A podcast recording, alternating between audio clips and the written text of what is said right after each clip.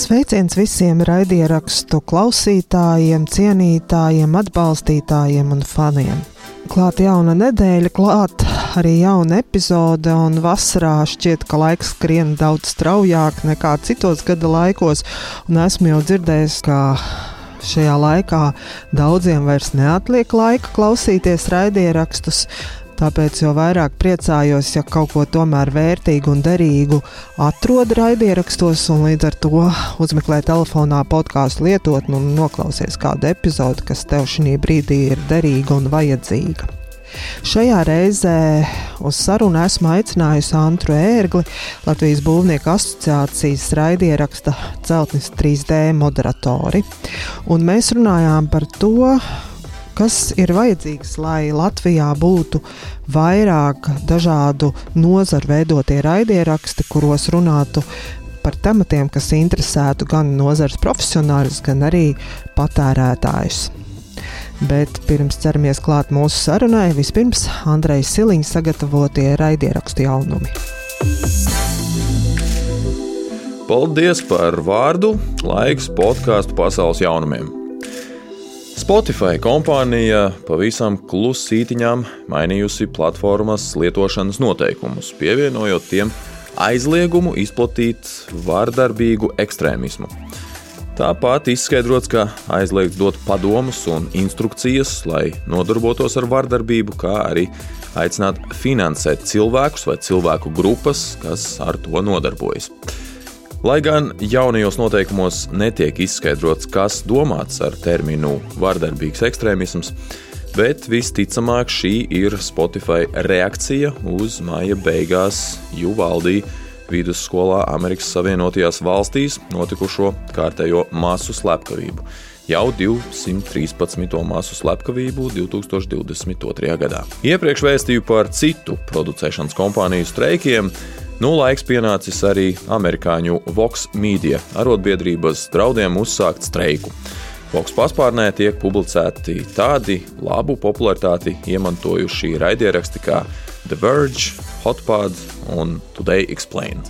Slavenais amerikāņu kino režisors Kventins Tarantino, kurš joprojām ir savas desmitās un it kā arī režisora karjeru noslēdzošās filmas meklējumos, kļūs par podkāsteri. Jau pērn Tarantino pavēstīja par ieceri veidot raidierakstu kopā ar citu režisoru Rodžeru Everiju. Podkāstu nosaukums būs The Video Archives Podcast, jeb video arhīvu podkāsts, un, protams, tas būs par kino pasauli un tās vēsturi. Tarantino un Everijs pirms teju 40 gadiem, vēl pirms bija kļuvuši par slaveniem režisoriem, kopā strādāja video nomām, un tagad šajā podkāstā kopā un arī ar viesiem. Atskatīsies uz dažādām filmām, kas varētu būt toreiz video nomas piedāvājumā. Paredzēts, ka podkāsta pirmā epizode tiks publicēta 19. jūlijā. Ja esi podkāsteris jeb raidierakstu veidotājs, tad ņem vērā, ka 25. jūnijā no 4. pēcpusdienā pēc Latvijas laika uz trim stundām nebūs pieejama Apple podkāsts Connect vietne kur parasti rediģē savu podkāstu informāciju un aplūko analītiku. Šajā laikā plānota lietotnes apkope, tā kā, ja esi iedvesmojies no līgo svētkiem un gatavs uzreiz pēc tiem veikt jaunus varoņdarbus, tad rēķinies, ka tos kādu brīdiņu nebūs iespējams paveikt Apple podkāstu Connect vietnē. Vēl kāda ziņa no Science Mobile ik ceturkšņa pētījuma, Tajos ālaši tiek izceltas arī operētāju sistēmas, kādas cilvēki patērē savos vietāluņos. Un tā kā podkāstus absolūti visbiežāk patērē tieši vietāluņos, tad šī ziņa varētu būt interesanta arī raidierakstu veidotājiem. Proti, 1. 2022. gada ceturksnī globāli pieaudzis Android operētāju sistēmu lietotāju skaits, tie ir 69,51%, kamēr iOS, jeb Apple telefonos lietotā operētāja sistēma zaudējusi 6% punktus un pasaulē to lieto 30,24% cilvēku. Android ir izplatītākā operētāja sistēma visās pasaules daļās, izņemot Okeāniju. Eiropā Android un iOS attiecība ir 60 pret 36, bet, piemēram, Āfrikā pat 84 pret 16. Šoreiz tas arī viss. Šīs bija podkāstu pasaules ziņas. Nu, dodu atpakaļ vārdu Dacei un viņas viesņai Antrai no podkāsta Celtnis 3D. Šodien raidnīcas viesņa ir uh, mana kolēģa žurnāliste Antra Ērgle, ar kuru esam sadarbojušās dažādos veidos, bet nu ir pienācis laiks parunāt par raidierakstiem. Sveika, Antra! Labdien, Dace! Labdien, klausītāji! Antrā esmu tevi aicinājusi uz uh, raidnīcu kā Latvijas Būvnieku asociācijas raidieraksta moderatori un parunāsim par uh, to, cik nozīmīgs varētu būt raidieraksts dažādu nozaru pārstāvjiem un cik tas ir apgūts lauciņš jau tagad uh, nozaru profesionāļiem. Bet uh, droši vien, ka sāksim ar to, kā tu nokļuvi pie raidieraksta vadīšanas stūres. Pirmo raidierakstu es uh, producēju un novadīju vēl kā žurnāla būvinženieris eh, redaktoru pagājušajā eh, rudenī, eh, bet pārtraucot darbu žurnālā, aizgāju, kā saka, ar visu raidierakstu un tagad to turpinu. Es raidier, uz raidierakstiem skatījos jau sen, jo audio formāts žurnālistikā man liekas ļoti pievilcīgs. Tomēr es paskatījos, kā Latvijā nu, popularitāti patiesībā sākumā neieguva tā dēvētie raidieraksti, podkāsti, kā tos angliski dēvē. Un, tagad es domāju, ka viņiem ir saka, otrais starts un uzplaukums. Un, es, un tā kā es ļoti gribēju to darīt, tad mēs arī ar manu kolēģi Juri Kokaini uh, maķinīti apjautājāmies nu, tajā brīdī būvniecības nozares uzņēmumiem un nevalstiskajām organizācijām. Un, jā, izrādījās, ka Brosnājs tas ļoti interesē, jo līdz tam faktiski bija kādi pāris mēģinājumi rakstīt raidierakstus audio formātā, bet tas nebija ieguvis nu, tādu re regulāru notikšanu. Un, nu, jā, un tad, nu, tad mēs sākām, un tā interese bija tiešām liela. Mēs, kā, man patīk nopietnas tēmas, es nevairos ne no cenu kāpuma, ne no enerģijas sarežģījumiem, nekā tāda. Līdz ar to mums arī uzreiz atradās ļoti nopietni nu, atbalstītāji, kuri apmaksā to raidierakstu producēšanu, vienlaikus nu, ļoti labi saprotot to nozīmību un neuzliekot mums nekādus pienākumus satura ziņā, ne, nekādus grožus. Un es varēju brīvi darboties un aicināt uh, ekspertus uh, un runāt par visām tēmām, kādas uh, vien likās aktuālas. Un tā mēs to turpinām arī šogad. Tagad jau Latvijas būvnieku asociācijas paspārnē un raidieraksts ir iegūst nosaukumu Celtnis 3D ar eh, ideju, ka tas ir kaut kas, kas tevi ceļ uz augšu vai uz, uz visām pusēm var virzīt līdz ar to. Un 3D tāpēc, ka nu, būvniecība un mm, arī mūsu raidieraksts ir daudzšķautņēns un ar dažādām tēmām, dažādiem virzieniem. Un tēmas ir eh, paplašinātas ar enerģētiku, kas ir mans lauciņš jau vairāk nekā 20 gadus, un, protams, klimata pārmaiņām un labu dzīvošanu, labu vides iekārtošanu cilvēkiem un nenodarīšanu pāri klimatam. Es meklēju Latvijas Būvnieku asociācijas raidierakstu, piemēram, Spotify. Neatradu. Es sapratu, ka šobrīd visērtāk to skatīties, klausīties ir vai nu mājaslapā, vai arī YouTube kanālā. Kur jūs atrast? Jā, bet mēs būsim arī uh, Spotify un vēl vienā platformā. Mēs pašlaik ar to strādājam, jo interese ir tiešām liela un mēs redzam, ka, nu, ka, mums, ir, ka, ka mums vajag to raidierakstu izlikt arī uh, tādai ļoti vispārējai izvērtēju, jo viņš nav tikai, uh, tikai būvniecības vai enerģētikas profesionāļiem domāts. Uh, katrā raidījumā ir uh, jautājumi un tēmas, un es mudinu cilvēkus profesionāļus runāt par to, jo, nu, Mēs visi dzīvojam vidē, ko iekārto būvnieki, arhitekti, eh, vides, eh, vides eh, dizaineri, ainavu arhitekti. Tā ir visu mūsu dzīves telpa, un tāpēc šīs tēmas visnotaļ attiecas uz visiem cilvēkiem.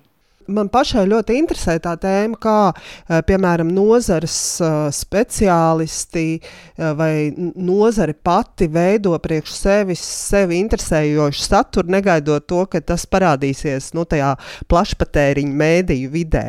Nu, ir, ir tātad žurnāli iznāk, ir organizācija mājaslaps vai nozara mājaslaps, rīko konferences dažādos veidos, tad izglīto un savējiem stāsta kaut kādas aktualitātes.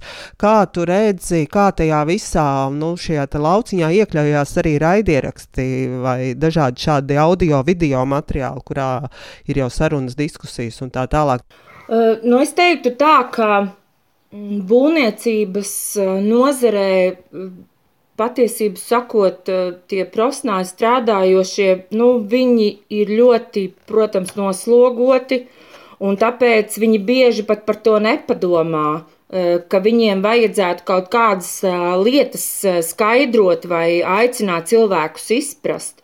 Un jāatzīst godīgi, ka no, nu, no tādu lielāko mediju puses, sevišķi, diemžēl, no sabiedrisko mediju puses, ir bieži dzirdēta nu, tāda uh, Ai, nu, ko tie būvnieki, viņi taču tur ir biezie un visi krāpnieki, un ko ar viņiem vispār runāt? Nu, god, es atzīstu, runāju tieši valodu.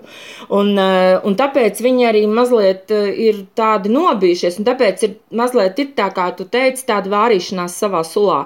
Tur ir uh, mājaslapas, citās ir uh, ļoti daudz labas informācijas, uh, citās ir ļoti skopti arī par projektiem, kas būtu noteikti interesanti daudziem cilvēkiem. Ja?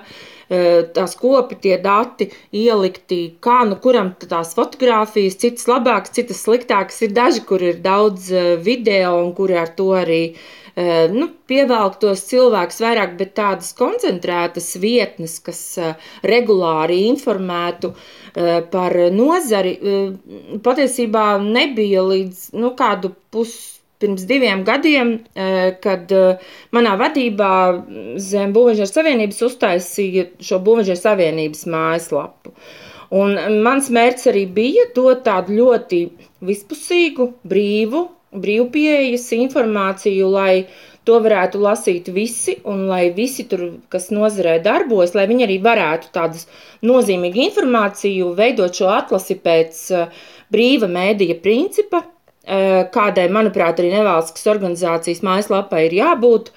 Uh, lai viņa nebūtu cenzēta, lai tur neierobežot kādam piekļuvi vai kādu neslavētu vairāk. Uh, Nu, kādu laiku tas izdevās, eh, kopš eh, es gāju prom. Tas tā, es tā skatos, ka tā gluži vairs nav, bet nu, tas tā vairs nav mana atbildība.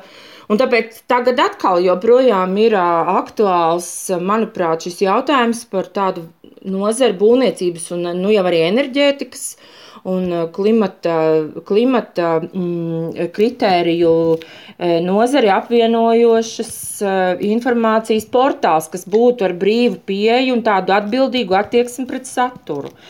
Un, nu, Tādēļ es domāju, ka nu, patiesībā visa sabiedrība būtu ieinteresēta to redzēt, jo tas nešaubīgi dod daudz lielāku caurskatāmību tam, ko dara uh, Eh, vides iekārtotāji, labiekārtotāji, tā skaitā būvētāji un ļoti daudzie eh, sabiedriskie pasūtītāji. Jo mēs zinām, ka ļoti liela nozīme Latvijā ir tai naudai, ko mēs eh, ieguldām ceļos, jaunās sabiedriskās ēkās, renovācijā, atjaunotās sabiedriskajās ēkās. Nu, kā jau teicu, tā ir mūsu visu vide. Kas jūs klausās, skatās? Vai tie ir nozares pārstāvji, vai tie ir nu, cilvēki, kuriem vienkārši interesējas kāda no tā tēmām, par ko jūs diskutējat, piemēram, ugunsdrošība? Jā, Jā tas eh, sevišķi, tie, sevišķi tās tēmas, eh, kas bija tādas, eh, piemēram, būvniecības materiālu izmaksu kāpums vai tādas aktuālas tēmas par, piemēram, mums bija tāds raidieraksts par bruģi, par bruģa likšanu, kurā piedalījās divas jaunas dāmas, mēs viņu rakstījām 1. aprīlī, un tas kļuva par vienu no mūsu populārākajiem, visvairāk klausītajiem un skatītajiem ierakstiem, un tas tiešām bija tāds, nu, kā lai saka, jo da, tas interesē daudzus. Un tad par energoefektivitāti tas ir ļoti klausīts raidījums. Mēs nevaram ļoti precīzi nokontrolēt nu, tieši kāda, kāda vecuma vai kāda, kādas nodarbošanās ir tie cilvēki, bet Eh, pēc tā, kā mēs skatījāmies, tad pirmais vilnis parasti ir eh, tas, ka mēs redzam, ka pies, pieslēdzas tie, kuri ir no nozares pārstāvji, tur, eh, piemēram, dalībnieku, kolēģi vai, vai mūsu pašu paziņas. Bet pēc tam aiziet ot, tā saucamais otrais vilnis, kad cilvēks slēdzas klāt un var vaļā, kad, kad arī no, no, no portāla ABCLV mēs arī tur publicējam uh, Eh, šos raidierakstus, eh, tad, kad viņi nopublicē un izsūta savos sociālajos eh, tīklos, tad mēs arī redzam uzreiz otru vilni, un tā ir jau acīm redzama plašāka auditorija. Nu, kad es pat, tad, kad man ir bijis laiks mazliet paskatīties cauri, kā, nu, tik tālu, cik, es, cik mēs varam izsakot, tad pēc tās, nu, Google analītikas vairākumā tomēr ir vīrieši, bija pāri 60% to klausītāju, un pēc eh, vecuma eh, bija ap eh, dominējošā grupa, bija gandrīz pār 30%, bija 35 līdz 50. Nu, tāda apmēram tā nu, ekonomiski aktīvākā, laikam, var secināt. Bet nu, es pieļauju, ka varbūt, ja vēl sīkāk pameklētu, paskatītos tos datus, varbūt tie būtu vēl arī interesantāki. Tāpēc es domāju, ka pēc tā, tā daudzuma Tie ir gan e, būvniecības profesionāļi, gan arī cilvēki, kuri interesējas par to, kā labiekārtot e, savu apkārtni, kā papildināt savu māju, kas ir gaidāms par, par piemēram, par renovācijas projektiem e, vai tam līdzīgas tēmas. Domājot par šādiem nozares raidierakstiem un cerībā, ka tādu būs arvien vairāk, uh, Tur, protams, ir tas, tas vienmēr ir interesants, jo, protams, katrā nozarē ir vairāk spēlētāju un dažādas arī intereses. Ir, ir tie, kuri grib kaut ko pārdot un reklamēt, tad, protams, ir tā pati valsts, kas kaut ko regulē, tad ir patērētājs, kurš saņem šo rezultātu vai kurš ir ieinteresēts kaut kādā produktā, un tad līdz ar to Uh, kam tas ir domāts un kā interesēs veidots, tad droši vien tas ir tas viens no izaicinājumiem, ar ko ir jāsaskarās tie, kas varbūt jādomā vai veido šāda te rakstura raidieraksts. Jā, tā ir. Ir ļoti jāapsver tās tie iesaistītie nu, cilvēki, speciālisti, neapšaubām arī uh, būvniecības produktu lietotāji, ja mēs kā visi iedzīvotāji, gan iemītnieki mājās, gan, gan skolās, gan slimnīcās, gan uh, kultūras iestādēs, jā, un tam līdzīgi, gan arī, nu, ir jā, tāpēc arī Es cenšos vienmēr uzdot arī tādus jautājumus, kas nav tikai būvnieku pašu vai, vai materiālu tirgotāju vai ražotāju pašu jautājumi. Jo galu galā, jebkas, ko mēs uh, ceļam vai pērkam veikalā un ieliekam uh, kādā ēkā iekšā, agri vai vēlu ietekmēs uh, cilvēkus un ietekmē arī vidi, kā mēs zinām. Jā, tas ir ļoti svarīgi. Uh, bet eh, es arī priecājos par to, ka līdz eh, šim tie cilvēki, kas ir nākuši, arī tie, kuriem nav bijusi tāda pieredze ar raidierakstiem, kuri nav arī, nu, izrādās, daudz arī nav klausījušies, piemēram, nu, citu mēdīju raidierakstus, kas man bija ļoti iecienīti, piemēram, nu, angliski materiāls, ang angliski runājošo mēdīju raidieraksti, viņi to neklausās, bet viņi atnāk, nu tā mēs ar viņiem izrunājam, un tad mēs runājam, man šķiet vienmēr ļoti svarīgi, lai tā būtu brīva saruna, lai tā būtu diskusija. Lai nevienam nebūtu bail pateikt, ko viņš domā, kaut arī eh, pretī sēž konkurence, vai varbūt eh, viņi nav vienās domās par kaut kādu aspektu, ko mēs apspriežam, bet lai tā būtu diskusija un eh, lai tie cilvēki paši kaut ko sev iegūt, un tad arī līdz ar to iegūst tie, kuri klausās.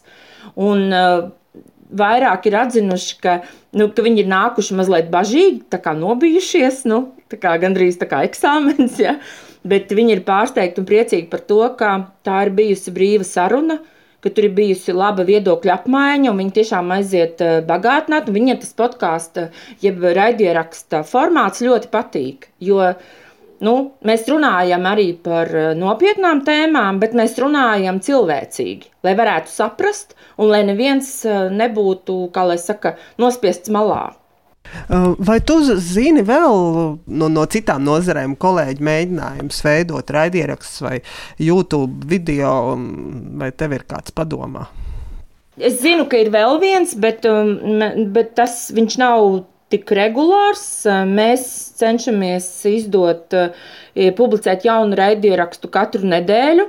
Nu, mums gluži nevienmēr sanāk, jo pa vidu ir svētki, vai, vai piemēram, studijas operatoram, ko mēs ierakstām Best for Sports. Nu, viņam ir pienākas brīva nedēļa, tad mēs vai nu ierakstām divus un publicējam pēc kārtas, vai nu arī tur ieturam kādas vēl divas dienas izlaižam.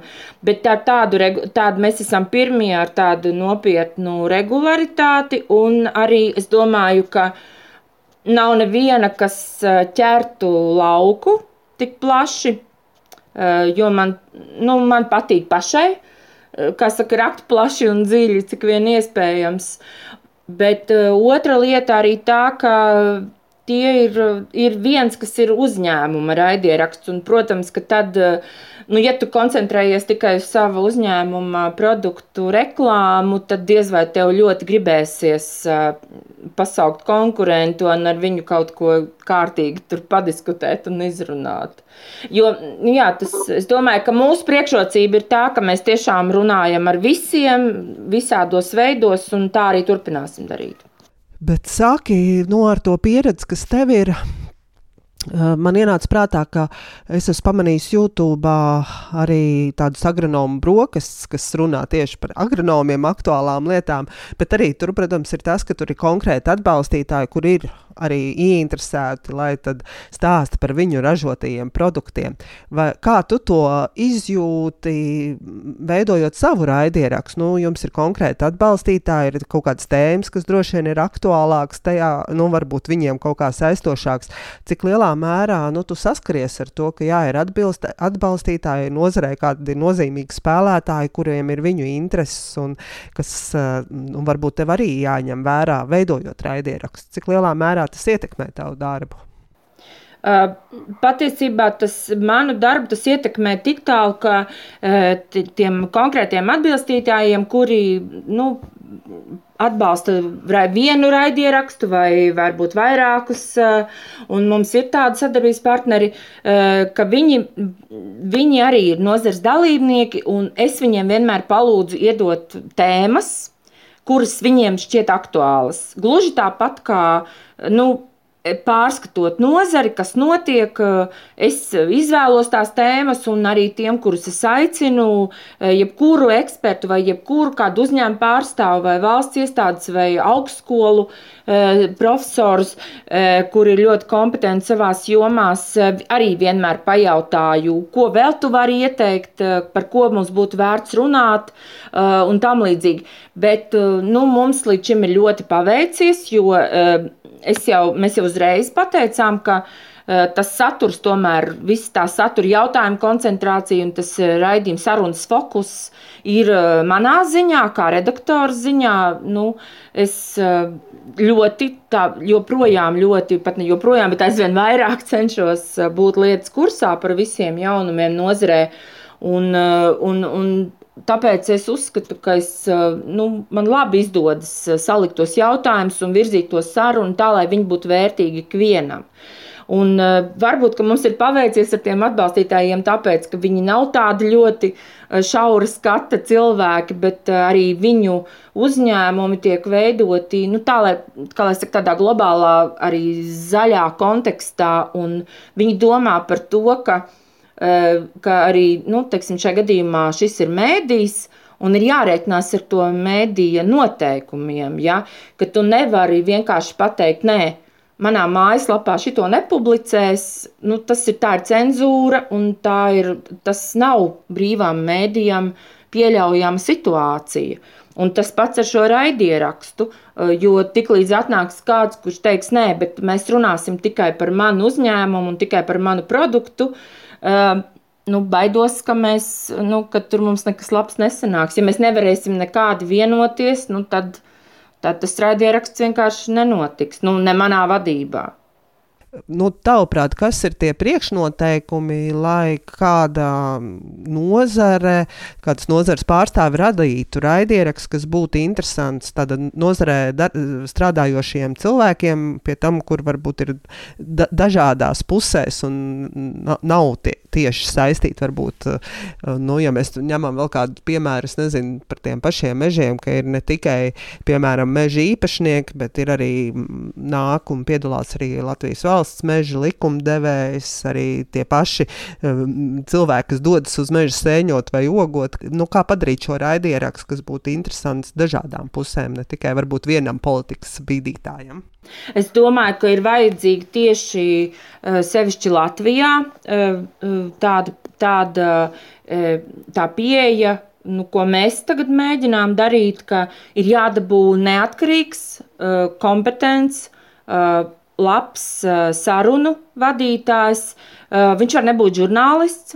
Es domāju, ka nozarēs ir cilvēki, kuri prot arī veidot sarunu no visām pusēm un ļaut katram pateikt to viedokli un dabūt to tādu, nu, kā lai saka, es saku, fokusu tai sarunai, lai tu saprastu, kāda ir galvenā tēma, lai katrs to saprastu. Gan dalībnieki, gan klausītāji, un arī saglabāt neatkarību. Un man šķiet, ka katrai nozarei ir jārēķinās, ka uh, tie spēlētāji, mēs visi esam dažādi. Un, uh, nu, tā, man liekas, tā nu jau ne tikai valsts vai nozars, uh, bet nu jau visas uh, zemeslodes, uh, patiesībā cilvēks, nevis zemeslodes, jo zemeslode jau paliks pat, ja mēs beigsimies. Ja? Visa cilvēces tā ilgāka pastāvēšana ir balstīta nu, nevis cīņā un konkurencē un viedokļu uzspiešanā, bet sadarbībā.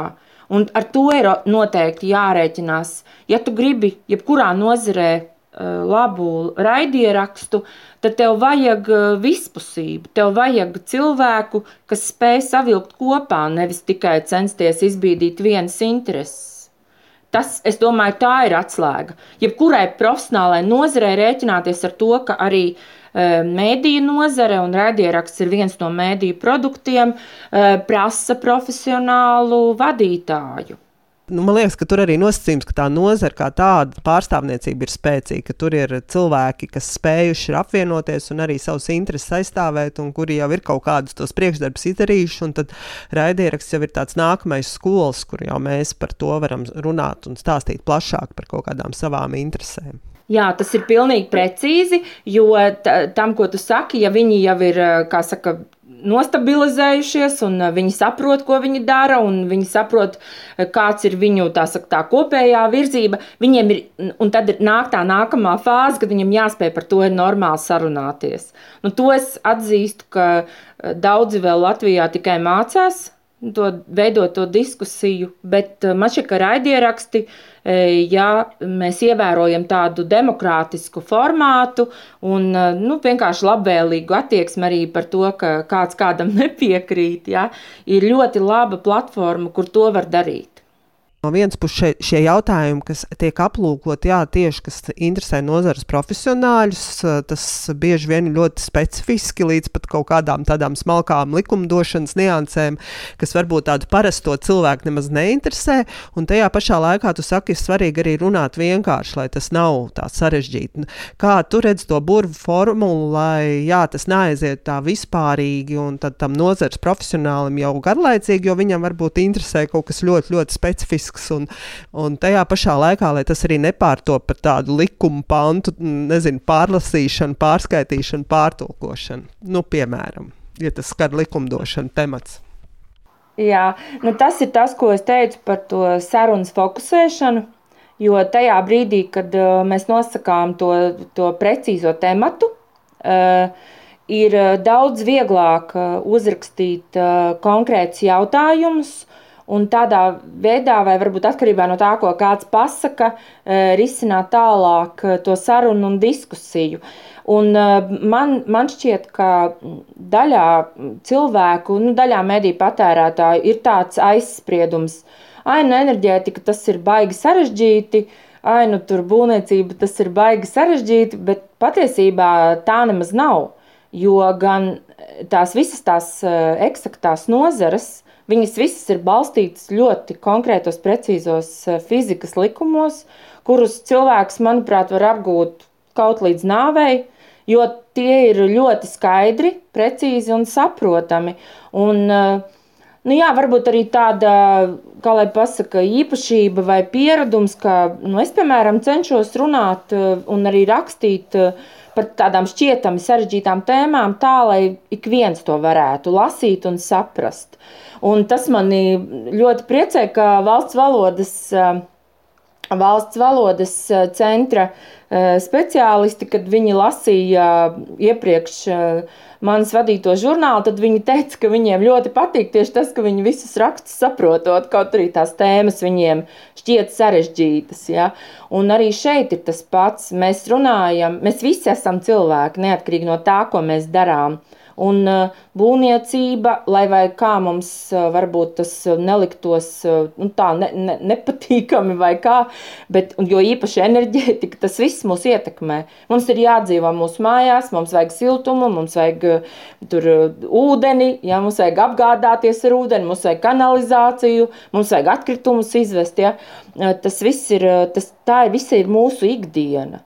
Un tāpēc es domāju, ka tas nedrīkst būt Un es arī zinu, kā to var eh, pateikt vai uzrakstīt nesarežģīti, tā lai cilvēki to saprastu. Bet nu, piekrīt, ka tas tomēr atšķirās man kā vienkārši enerģijas lietotāju, ka man varbūt tie jautājumi apmēram vai cenas kāps, ja, vai arī nu, kā es varu ietaupīt, nu, piemēram, nu, tie standarta jautājumi. Un tad ir enerģijas nozarē strādājušiem, kuriem, piemēram, jāprognozē, kāds tad varētu būt, piemēram, nākamā o, sezona, kā, kas varētu ietekmēt cenu kāpumu un kur ir izdevīgāk kaut ko šobrīd, nezinu, ieguldīt, skatīties uz priekšu, ko darīt, ko nedarīt. Nu, tur ir jau pilnīgi citi jautājumi, kas interesē interesē nu, cilvēks, kas šajā nozarē strādā. Kā tu redz to zelta vidusceļu, lai visi būtu apmierināti? Nu, es par, par tavu piemēru uzreiz teiktu, ka, un, un es domāju, ka tas attiecas ne tikai uz enerģiju, uz enerģijas ražošanu vai pirkšanu. Tur jau tā lieta, ka, nu, teikšu tā, tas, ka mums tagad ir problēma ar elektrības cenu, lielā mērā ir pirms 20, 25, 15 gadiem pilnīgi nepareizi politiski un ekonomiski valsts līmenī pieņemto lēmumu sekas. Ja mēs jau laikus būtu domājuši par to, kā diversificēt, piemēram, elektrības ieguvi, kā sadalīt siltuma ražošanu, ko darīja ļoti daudzas valstis Eiropā, man pat būtu laikam vieglāk būtu pateikt, eh, nu, es zinu, kuras to darīja. Zviedrija, eh, Dānija, eh, Anglija, Beļģija, Nīderlande, Austrija. Nu, tās tie ir tādi spilgtākie piemēri, kuras attīstīja elektrības ražošanu, piemēram, ciematos uz vietas, kā kopienās. Un, vai siltuma ražošana arī līdzīgā veidā no atjaunojamiem resursiem, no uh, no vēja, no saules, no, no tās pašas koksnes, dažādo veidā sasmalcinātas. Ja mēs par to būtu domājuši, nevis visu tikai centušies centralizēt un uh, nolikt uh, Rīgā milzīgu uh, teci, kas strādā ar gāzi un vēl kaut kā pamanīties viņai piešķirt zaļos maksājumus, kas bija vispār pilnīgs, manuprāt, tas būtu bijis normālā valstī totāls skandāls. Tad mēs nebūtu tādā situācijā kā tagad. Tad mums nebūtu jāskatās eh, uz Krieviju un tagad, eh, jāsaka, tagad jāmēģina piedabūt eh, Finanšu kapitāla tirgus komisiju, lai viņi atļauj Latvijas gāzei norēķināties rubļos. Nu, tas vispār, man liekas, tas, tas, tas, manuprāt, tas man kā enerģētikas žurnālistei savukārt liekas šausmīgs skandāls. Tur jau tā lieta, ka visi tie lēmumi, ko mēs pieņemam tagad, ietekmēs mūs iespējams desmit gadiem. Un tāpēc, tāpēc, es, tāpēc es uzskatu, ka ir obligāti jārunā ar cilvēkiem un jārunā laikus. Ja man būtu izdevies pirms 20 gadiem uztaisīt skandālu no tā, ko, ko, ko darīja vai nedarīja tā laika ekonomikas ministrija, vai mums ar kolēģiem tas būtu izdevies kā žurnālistiem, varbūt mēs nebūtu, es atvainojos, tādā tintē pašlaik. Ja? tāpēc tas ir svarīgi, un tāpēc man arī liekas svarīgi parādīt, ka tas, kā mēs tagad būvējam, tas, kā mēs tagad uh, ražojam, tas, kā mēs tagad atbalstām, vai, nu, godīgi sakot, Latvijā atkal neatbalstām to energoefektivitāti un to vietējo ražošanu, uh, no tās būs sekas. Un uh, nevar pakļauties tikai lielajiem lobbyiem, kuri, protams, labprātāk atmācies un roku teiks, nē, tas nav jūsu temats, jūs to tāpat nesapratīsiet. Ja? Man šķiet ļoti svarīgi parādīt, ja kurš no šiem lēmumiem, par kuru mēs uzzinām vai pasarg Dievs neuzzinām, viņi mūs visus ietekmē katru dienu. Man pietājas, ka tu varētu raidierakstā veidot tādu savu komentāru vēl lapus. Cik eh, lielā mērā šāds raidieraksts un temata iztirzāšana ļauj arī tev pašai izpausties un ar to pieredzi, kas tev ir žurnālistikā, sekojot kādai tēmai jau tiešām ne, ne tikai pāris gadus, bet jau desmit gadus. Kā, cik tas tev ir pateicīgs, lai tu varētu nu, arī izpaust savu, savu to kompetenci un pieredzi? Jā, paldies, protams, par atzinību. Es ļoti priecājos. Bet, nu, jā, es varbūt, varbūt, jā, varbūt man ir jāsāk taisīt. Ne, varbūt ne tikai podkāstu, bet varbūt izdomāšu vēl kādu citu formātu, kā es varētu pēc iespējas vairāk cilvēkiem nodot to savu, savu zināšanas un to, ko es redzu nu, jau gan iepriekš, gan pēc apmeklējumiem, gan tagad jau tāpat eh, skatoties līdzi jaunumiem enerģētikas nozarē citās valstīs. Un, nu, ja man vēl to izdotos aizvadīt un uh, palīdzēt ar to kādam no lēmumu pieņēmējiem, es, protams, to centīšos darīt, un es ļoti priecātos, ja tā notiktu. Jā. Jā.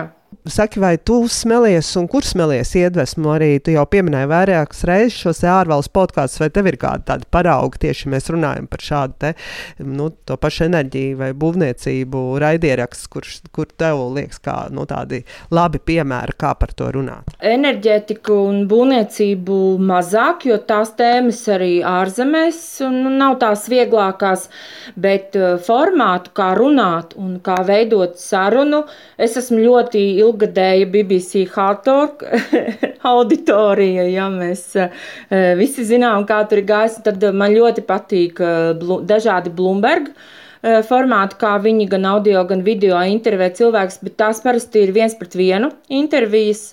Un tad, un tad pēdējais mans, nu, kā lai saka, atradums, atklājums ir, ir izdevuma New Yorker podkāsti, ko es visiem silti iesaku, tos, kas angliski var klausīties. Man, jā, tur man arī ļoti patīk gan tas veids, kā viņi, nu, teiksim tā, tajās sarunās vienmēr ir pagriezieni, un arī pat, ja runā viens pats žurnālists par kaut kādu konkrētu tēmu, tad tu vienmēr gaidi, nu, kas vēl, kāds tur, kāds tur būs tas nākamais teikums, tāpēc, ka viņi prot to ļoti labi izdarīt. Uh, Un uh, pat tādām uh, lielākām sarunām, starp citu, es uh, diezgan daudz esmu iemācījusies no mūsu pašu latviešu sporta podkāstu veidotājiem, jo tur, tur, tur biežāk ir tā, ka tie podkāstu vadītāji, ka viņi tiešām sarunājas. Nevis tikai viens tur kaut ko stāsta, un citi kaut kā var kaut ko piebilst, tikai jā vai nē. E, jo tur, tur cilvēki tiešām arī uzdod īstus jautājumus un sagaida īstas atbildes. Ja, jo, jo man personīgi visvairāk kaitina, kad uh, ja ir kaut kāda intervija, sevišķi audio, ka tas jautājumu uzdevējs uh, uzdod to jautājumu trīs reizes dažādos veidos, un vēl pats beigās mēģina iestumt kaut kādu, nu, vai jūs dariet tā vai tā, it kā piedāvāt tur atbildētājiem kaut kādu variāciju, nu, tā kā pateikt priekšā atbildi. Man vienmēr svarīgi liekas, uh, nu, lai mēs, uh, lai, piemēram, kad mēs ar tevi kādu intervējam, lai mēs tiešām uzdot īstu jautājumu, lai tas cilvēks, lai tas jautājums liktu viņam domāt. Nevis eh, tur mēģināt iebīdīt kaut kādu savu variantu. Jā, tas tā, tie ir mani piemēri. Un, protams, un man patīk arī uh, žurnāla ir autoru podkāsti.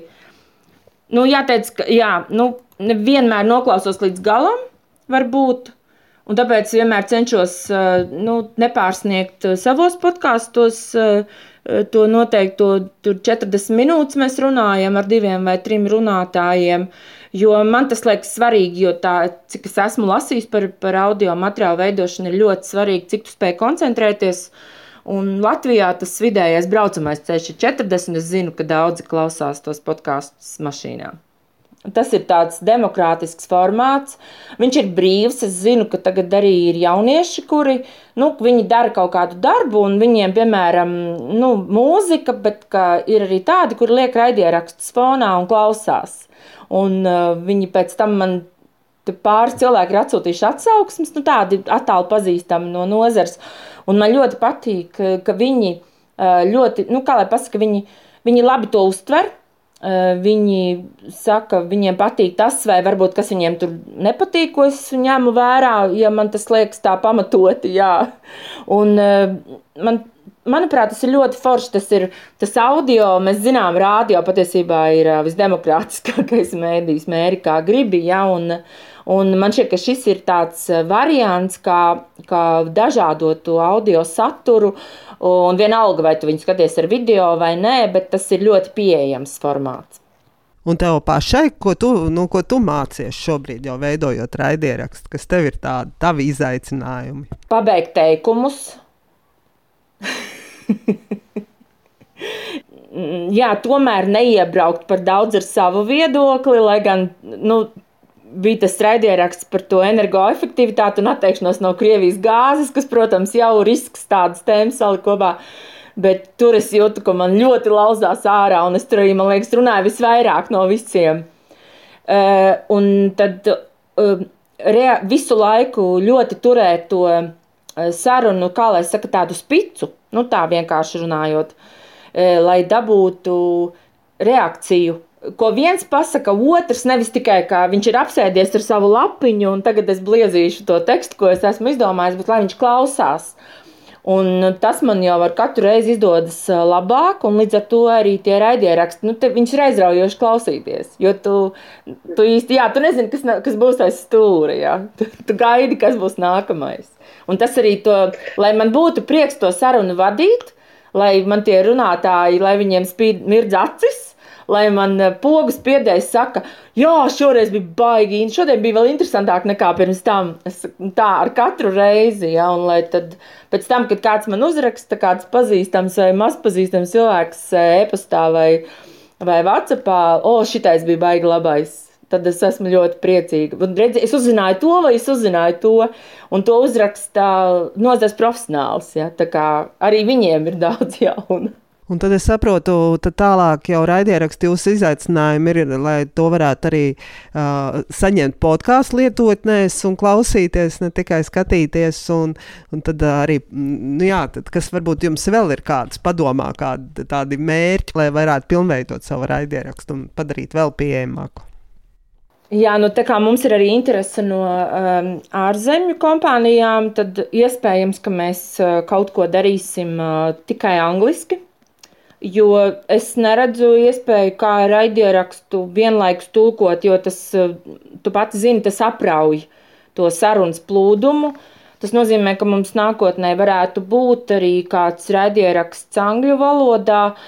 Nezinu par krievu valodu, bet nu, jā, tas tagad laikam nebūs sevišķi populāri. Bet, bet tas, tā, tas nākamais varbūt varētu būt gan tēmas, gan, gan interese par raidierakstu angliski.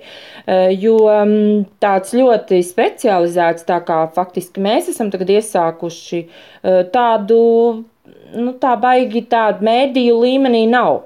Uh, ir šis un tas, kas ir uh, ierakstīti kaut kādas instrukcijas vai mācības uh, nu, no uzņēmumiem, ja, bet tas ir kaut kas cits. Ja. Šeit ir tomēr diskusija par uh, aktuālām tēmām. Un kas būtu jūsu auditorija šādam raidierakstam angļu valodā?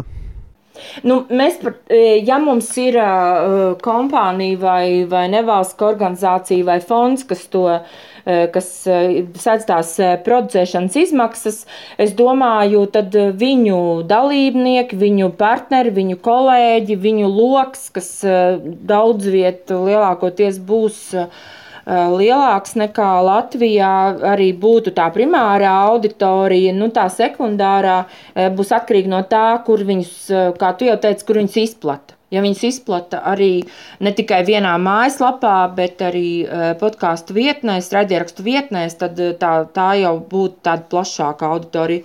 Un mums ir arī, nu, es domāju, ka tas tādā gadījumā būs pieejams arī Baltijas valstu mērogā, nu, kur, teiksim, pašlaik un iespējams arī Ziemeļvalstīs, no kurām arī ir interesi par tādu lietu. Jā, tā plāna grandiozi, vai ne? Un tas, es domāju, ka tēma tāpat enerģētika šobrīd tikai kļūst pieprasītāka un vajadzīgāka. Un ne tikai tādā priekš Latvijas, bet arī tā pati Baltijas sadarbība un Ziemeļvalsts sadarbība, protams. Un, uh, es ceru, ka tev arī izdosies arī tev uh, pašai veidojot raidierakstu, ne tikai uzlabot tās lietas, ko tu jau te minēji, bet tiešām būtu ļoti interesanti arī saņemt tādu redaktora komentāru lapus par kaut kādām tēmām. Man liekas, tas tiešām būtu interesanti to klausīties. Labi, paldies tev par to. Padomāšu par Jā. to. Jā. Labi, paldies, Antra. Un cerams, ka jau pēc neilga laika arī citas nozars nāks ar saviem raidierakstiem. Tad būs ko salīdzināt, un, un būs jau tāda interesantāka diskusija, kā labāk atspoguļot tās tēmas, kas nozarē ir aktuālas tieši raidierakstu veidā. Jā, paldies, Dārsa!